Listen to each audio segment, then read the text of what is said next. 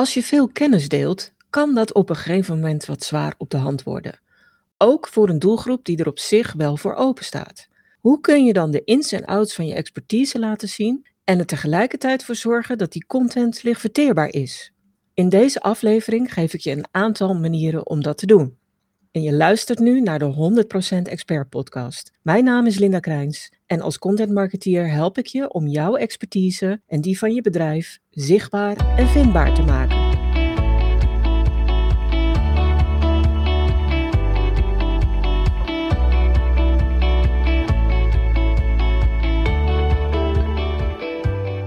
Maar voor we beginnen, moet ik eigenlijk eerst een belangrijke vraag stellen. Want moet alle content dan wel licht verteerbaar zijn? Nee, gelukkig niet. Waar het om draait bij content marketing en zeker bij marketing van expert content is de content mix. En in mijn optiek kun je binnen een mix vier soorten content onderscheiden. Informatieve content, helpende of servicegerichte content, inspirerende content en entertainende content. En je raadt het misschien al, je eerste twee zijn behoorlijk rationeel van aard en zullen voor een groot deel waarschijnlijk ook om je kennis draaien. Die andere twee zijn meer emotioneel van aard. En om je wat voorbeelden te geven, informatieve content is over het algemeen behoorlijk feitelijk en kennisgeoriënteerd. Denk dan aan kennis en inzichten uit je vak, informatie over je branche, onderzoeksfeiten, cijfers, data, voor- en nadelen van dingen, de kennis rondom je expertise. Daarnaast kun je daar helpende of servicegerichte content aan toevoegen. Daarmee verhoog je in feite het serviceniveau van jou als je zelfstandig bent of van je bedrijf. En je bent dan behulpzaam. Dus je kunt dan heel goed denken aan gebruiksdemonstraties of tutorials, uh, handleidingen of allerlei downloads die mensen kunnen helpen. En dat kunnen PDF's zijn, maar dat kan ook video of audio zijn. Gelegenheid bieden tot vragen stellen. Allerlei gebruikerstips waarmee mensen meer kunnen bereiken met bijvoorbeeld jouw product of jouw dienst. Dus je bent echt aan het helpen en aan het ondersteunen. En helpende en servicegerichte content is samen met informatieve content behoorlijk rationeel van aard. En ja, dat kan wat zwaar verteerbaar of zwaar op de maag liggen. Aan de andere kant heb je dan die emotionele content, de inspirerende en entertainende content. Die twee lijken misschien wel een beetje hetzelfde, maar toch zie ik daar zelf wel echt een verschil tussen. Want entertainende content doet in feite niet anders dan wat die naam ook zegt. Mensen vermaken en ja, afleiding bieden van wat ze op dat moment aan het doen zijn. Maar bij inspirerende content zet je mensen, als het goed is, ook wel weer aan tot iets nieuws of iets anders tot een nieuwe of andere gedachte, tot een nieuw inzicht. Of breng je ze een perspectief in beeld op een leuker of makkelijker werk of leven. Dus inspireren is toch wel weer iets anders dan entertainend. En je zou bijna kunnen zeggen, inspireren is dan toch bijna wel weer iets functioneler, omdat entertainende content dan eigenlijk niks doet dan alleen maar entertainen. Als je dan kijkt naar die vier soorten content, waar draait het dan om bij je content mix? En in feite draait het er dan om om de juiste balans te vinden tussen die verschillende soorten content. En ik adviseer iedereen altijd, en zeker degene die zeggen van ik wil mijn expertise naar voren brengen of mij positioneren als kennisleider of thought leader, dat je echt minimaal twee soorten content moet, moet brengen, waarvan er één in elk geval emotioneel is. En natuurlijk kun je ze ook alle vier doen. En je kunt er ook drie doen en zeggen van ik doe twee rationele, want dat past nu eenmaal bij mij. En ik voeg er toch ook een emotionele content component aan toe.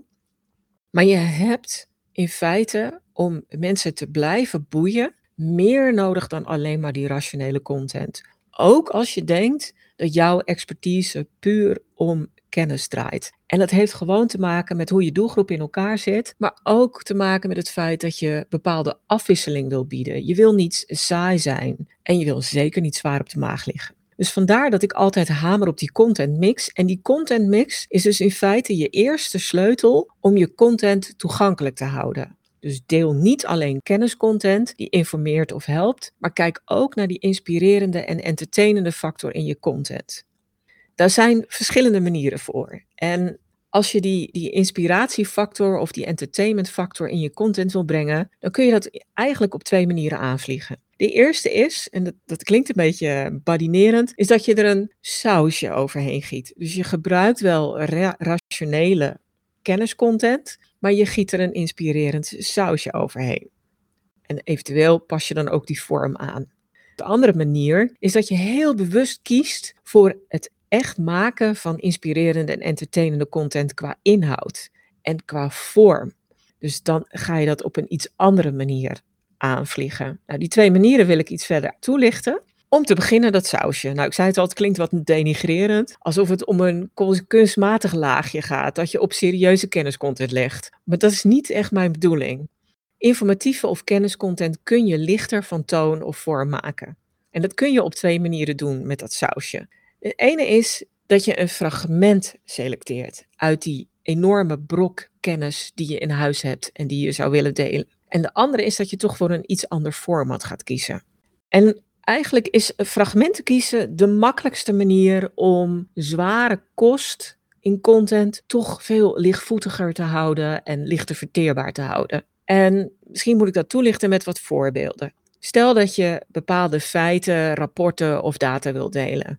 Vanuit jouw eigen kennis en expertise wil je waarschijnlijk al heel snel te veel feiten en data delen. Want jij bent bevlogen, dit is jouw onderwerp. Alleen je doelgroep zit er over het algemeen net iets anders in. Dus dan moet je toch een selectie gaan maken. En kijk dan, als je onderzoeksdata of, of, hele feitelijke informatie hebt, welk feit of cijfer is onverwacht? Wat zet mensen aan het denken? En wat zou mensen misschien zelfs kunnen schokken of hun kunnen confronteren? Iets met ze wat ze, nou, wat, wat ze helemaal niet hadden gedacht of hadden verwacht. En probeer dat fragment, dat feit te selecteren en deel die hele specifieke uitkomst. En verder niks. Dus dat, dat is best wel heftig, want het dwingt je tot het maken van keuzes. Want jij wil veel verder gaan. Jij wil echt meteen een, een, een daverend rapport of daverend onderzoek delen. Waarvan je denkt, ja, maar dit moet iedereen weten. Alleen de meeste mensen denken daar toch iets anders over. En dat zie ik ook vaak gebeuren met eh, B2B-bedrijven die, die, die zeggen van wij hebben een fantastisch whitepaper of een fantastisch e-book of een rapport gepresenteerd. En dat, dat kun je ook heel goed in fragmenten opknippen. En dat heeft nog een ander voorbeeld, maar daar kom ik later op. Een, een zware kennisstuk, zware kenniscontent die gewoon groot en uitgebreid is en uit veel elementen bestaat in feite, kun je ook heel goed opknippen in fragmenten. En juist bij rapporten, whitepapers of zelfs ook bij case studies kun je bijvoorbeeld kijken van hey, welke experts hebben dit gemaakt? Misschien was je het zelf, misschien is het een, een team van mensen. Kun je iets vertellen over de profielen van de experts? Dus je, noemt wel het, het whitepaper of het document wat onder handen is, maar je gaat gewoon eerst een keer die experts verder toelichten en voorstellen. Kies drie opvallende resultaten die je presenteert. En dat betekent dus ook alweer dat je je moet beperken. Dat je moet kijken van wat is nou het meest opvallende, in, ook in ogen van mijn doelgroep. Deel veelzeggende illustraties. Bijna alle intensieve kennis, content heeft ook wel illustraties in zich. En als die niet heeft, zou je je ook op je achterhoofd moeten krabben. Want dat betekent dat het misschien een hele grote brok tekst is. En dat is sowieso voor de meeste mensen al een no-go. Maar, dus, maar ik hoop dat er illustraties in zitten. En als het goede illustraties zijn, hebben die ook een eigen verhaal en een eigen boodschap in zich. Deel die ook los. Deel best practices of aanbevelingen die voortgekomen zijn uit die whitepaper. En deel ze los, of deel ze samen, of deel de belangrijkste. Maak een samenvatting van een whitepaper of een kennisrapport. Of deel de conclusie. Vaak moet je die conclusie natuurlijk ook weer samenvatten. En ja, dat betekent misschien ook dat je in nuances moet gaan snijden, wat pittig kan zijn. Maar toch maak het kort en compact en haal de kern eruit. Wat je ook nog kunt doen, is dat je vertelt hoe zoiets tot stand kwam en hoe, hoe die data of die kennis verzameld is. Want dat geeft ook een hele goede indruk van de gedegenheid die erachter zit. En is dus ook een heel mooi voorbeeld van de expertise die in huis is. En zo, zo zie je hoe je één groot stuk kenniscontent kunt opknippen in allerlei fragmenten. En die fragmenten die kun je dus heel goed losgebruiken. En nou, niet iedereen heeft whitepapers of hele grote dingen eh, tot zijn beschikking, maar je kunt het ook voor iets kleinere kenniscontent gebruiken. Want stel dat je een artikel hebt gelezen en je denkt, jeetje, dat is hartstikke interessant, dat wil ik delen op social media of in mijn nieuwsbrief. Zit er dan in een artikel een alinea of een, of een uitspraak die je direct in het oog sprong? En misschien was dat wel de conclusie, misschien was dat de inleiding, maar misschien was het ook wel weer een treffende afbeelding of een quote in dat stuk. En deel dan alleen dat fragment. En verwijs mensen die meer willen weten dan naar de rest. En dat werkt echt vaak veel beter dan een link naar een groot artikel delen. Want zeker als je op social media dingen wilt delen, bedenk dan dat mensen op social media maar over het algemeen maar kort online zijn. Dus dan hebben ze weinig tijd. Maar dan wil je wel net even die aandacht vangen en net even laten zien, dit vind ik interessant en dit is er allemaal. En dan heb je ook een van je expertdoelen waarschijnlijk al bereikt, namelijk laten zien dat jij de kennis in huis hebt, of in elk geval de toegang tot de kennis in huis hebt. En het allerlastigste is het vaak voor mensen en experts die zelf een artikel hebben geschreven. Dat artikel dan niet integraal delen, maar daar een fragment uitpakken, is dan over het algemeen veel gevraagd. En toch is het ook hier een kwestie van kill your darlings. Het is echt ook een must bij het schrijven. En kill your darlings komt ook terug als je een artikel wil delen. Want wat is nou het punt dat je artikel moet maken? En gebruik dat en dat alleen als fragment wat je eruit haalt. Wat je ook nog eventueel zou kunnen doen, is dat je een bijzondere aanleiding om dat artikel te schrijven gebruikt. En ook dan deel je alleen maar weer die aanleiding en verwijs je naar de rest. Dus het is een beetje net zoals teasers voor films. Je pakt een fragment en je wijst mensen vervolgens op de rest en je laat hen zelf beslissen of ze tijd en aandacht en ook het doorzettingsvermogen op dat moment hebben om de hele content te communiceren. En een groot voordeel van fragmenten gebruiken is dat je het niet alleen licht verteerbaarder maakt, omdat je het verhaal opknipt, maar dat je ook heel veel content in één klap hebt over één stuk kenniscontent. Je kunt meerdere fragmenten gebruiken en dat kun je over een langere tijd verspreiden. Of je kunt gedurende een week wat intensiever over één stuk praten. Dat is net hoe je, hoe je zelf, ja, wat, wat op dat moment jouw prioriteiten en jouw marketingdoelen zijn. Maar omdat je meerdere fragmenten gebruikt, zorg je voor meer bereik. En je zorgt ook dat een bepaald deel van dat bereik, een deel van die mensen, het nu wat vaker ziet. Dus in plaats dat ze het één keer zien en dan meteen bam, het hele grote verhaal, zien ze meerdere momenten kleine fragmenten langskomen. En dat werkt gewoon heel veel beter om in die hoofden van je publiek te blijven hangen. En de tweede manier van het zogenaamde sausje toevoegen is dat je toch wat meer gaat spelen met de formats. Want veel kenniscontent is gewoon tekst. Lange artikelen, verdiepende artikelen, een rapport, een case study of onderzoek. Soms kan het ook een webinar of een lange video zijn. Maar over het algemeen is lengte wel iets wat er gemeenschappelijk is. En toch ook is het heel vaak tekst. Maar tekst verwerken vraagt gewoon veel van het brein. En je blijft dan ook heel snel in dat rationele hangen. Dus waar je mee zou kunnen spelen is, eh, ook als je die fragmenten gaat kiezen, om veel meer een visueel format te gaan gebruiken. Een bekend visueel format voor toch verdiepende kennis is natuurlijk de infographic. Dat is een hele mooie manier om op een pakkende manier kennis over te brengen die mensen echt consumeren. Wat je ook kunt, kunt doen, en dan kom je eigenlijk wel weer op dat fragment ook uit, is dat je kiest voor een korte video. Pak een paar pakkende dingen uit die grote kenniscontent en verwerk het tot een korte, korte video. En het kan ook een animatie zijn. Wat je ook kunt doen met die fragmenten, als je ze visueel maakt, is dat je een beeldcarousel maakt met een serie afbeeldingen, waarbij je per afbeelding één element, één fragmentje uit die tekst deelt. En zo kun je het echt veel beter toegankelijk maken en het veel meer ontsluiten dan een massief brok tekst of zelfs een massieve kenniswebinar. Want al zitten mensen nog zo graag in jouw onderwerp en willen ze daar nog zo graag meer over weten. Een webinar, een lange kenniscontent, vraagt gewoon tijd en vraagt mentale ruimte. Op deze twee manieren kun je dat al op heel veel luchtiger manier delen, zonder dat je inboet aan je imago als expert of kennisleider. Maar dit zijn eigenlijk wel de sausjesachtige elementen. Wat nou als je je echt gaat focussen op inspirerende of entertainende content? En met focussen bedoel ik niet dat je dat als enige doet, maar dat je dat wel heel gericht gaat toevoegen in je contentmix. Dat kan echt. En het kan ook echt zonder dat je afdoet aan jouw serieuze imago als expert of kennisleider. En ik, ik zie zelf twee hele mooie manieren om dat te doen.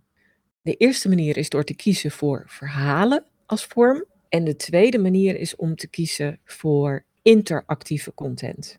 Verhalen. Ja, mensen zijn echt ingesteld op verhalen. En dat, dat zijn we blijkbaar al sinds de oudheid. Tenminste, dat lees ik overal terug. Verhalen is iets dat we goed kunnen verwerken en goed onthouden.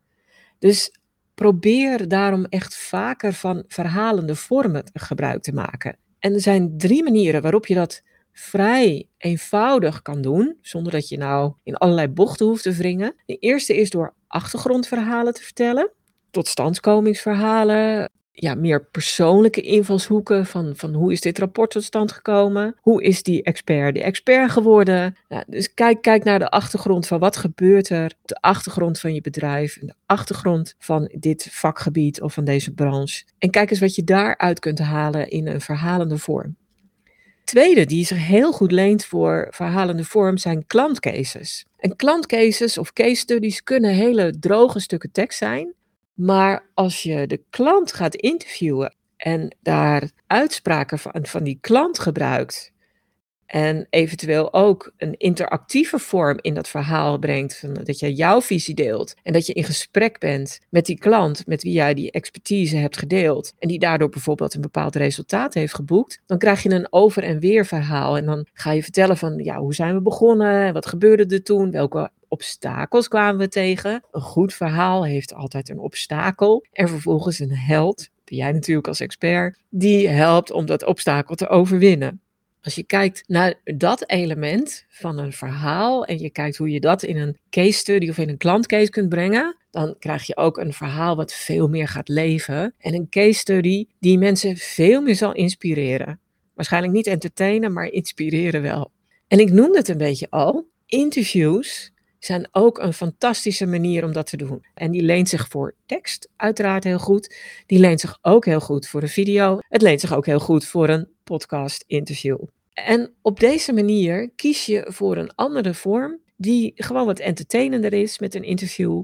En die ook mensen wat meer inspireert, omdat je ook een ander mensen aan het woord laat. Dus jij bent niet degene, echt de afzender van de kennis. Maar er is een interactie in die kennis met iemand anders. En dat zet veel meer aan tot het zelf gaan doen, er echt over nadenken, nieuwe inzichten, nieuwe ideeën. En dat is dus inspiratie. Dus verhalende vorm is er één. En ik noemde het eigenlijk al een beetje bij de interviews. Interactieve vormen kiezen, heel bewust voor interactieve contentformats kiezen, is ook een hele goede manier om de inspiratie of entertainment component in je content mix te krijgen. Zet mensen zelf aan het werk met je content. En dan ontstaat er echt een heel ander effect. Met interactie kun je die kennis ook heel snel inspirerend of speels maken, zonder dat het afdoet aan je deskundigheid of je expertise. Want veel expert content zet gewoon aan tot een soort passieve consumptie. Maar kies je daarentegen voor interactieve content, dan creëer je een heel ander effect en een heel ander gevoel. En ben je nog steeds serieuze kennis aan het overbrengen. Hoe kun je dat doen? Ik heb een paar voorbeelden. Je kunt het doen met quizzes of tests. Je kunt het doen met een tijdlijn of een routekaart met klikbare elementen. Je kunt het doen met een game. Je kunt het doen met een challenge. En je kunt het doen met een contentpakket. En ik heb, ik heb daar nog geen goed woord voor gevonden. Daar moet ik nog even op broeden. Uh, bij een contentpakket bied je content aan als een groot pakket. Met verschillende formats en verschillende stukjes. En laat je mensen zelf kiezen welk stuk ze gaan gebruiken. En een voorbeeld daarvan kan een kennisbank zijn, waarbij je allerlei verschillende kenniscomponenten verzamelt met één portaal waar mensen naartoe kunnen. En dan kunnen ze daar zelf kiezen wat ze pakken. Dat is al behoorlijk interactief, maar dat werkt vooral heel goed als je daar ook weer rationele content mengt met inspirerende of wat entertainende content. Dus dat is een contentpakket. En die andere vier vormen, die wil ik een beetje toelichten met wat voorbeelden. En, en hoe kun je dan toch hele serieuze content op een goede manier in een test of in een quiz verpakken. En één goed voorbeeld vind ik zelf is het boek Verbindend Vermogen van Marco Busman. Het is een bestseller managementboek. Het is al een aantal jaren uit en we gaan geloof ik nu in de zevende editie. En daar zit ook een test bij. Met die test kun je ontdekken hoe je in verbinding staat met jezelf, maar ook met de mensen om je heen, met je werk en met de wereld. En die test geeft je voor ieder van die vier dimensies inzichten en handvatten om daar eventueel iets in te veranderen, als je dat zou willen, op basis van de uitkomsten van de test. En die test is daarmee een hele interactieve verrijking van het boek.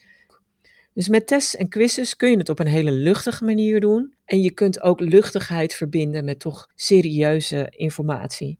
En omdat je het interactief maakt, vinden mensen het over het algemeen heel fijn om te doen. Het tweede voorbeeld is een tijdlijn of een routekaart. En als je weet dat mensen of bedrijven een bepaalde route doorlopen, in de kennis die ze verzamelen, of in een beslissingsproces, of in een groeiproces wat ze doormaken, dan zou je die stations of die fase van die route visueel in beeld kunnen brengen. En er zijn vormen van klikbare tijdlijnen en routekaarten, waarbij mensen op verschillende punten van zo'n routekaart kunnen klikken en dan kunnen verkennen wat er bij dat punt of bij die fase hoort. En dat kun je vullen met tekst. Dat kun je vullen met afbeeldingen, met video's of met geluid. Het kan echt op heel veel verschillende manieren. En één manier was bijvoorbeeld de geschiedenis van Nederland.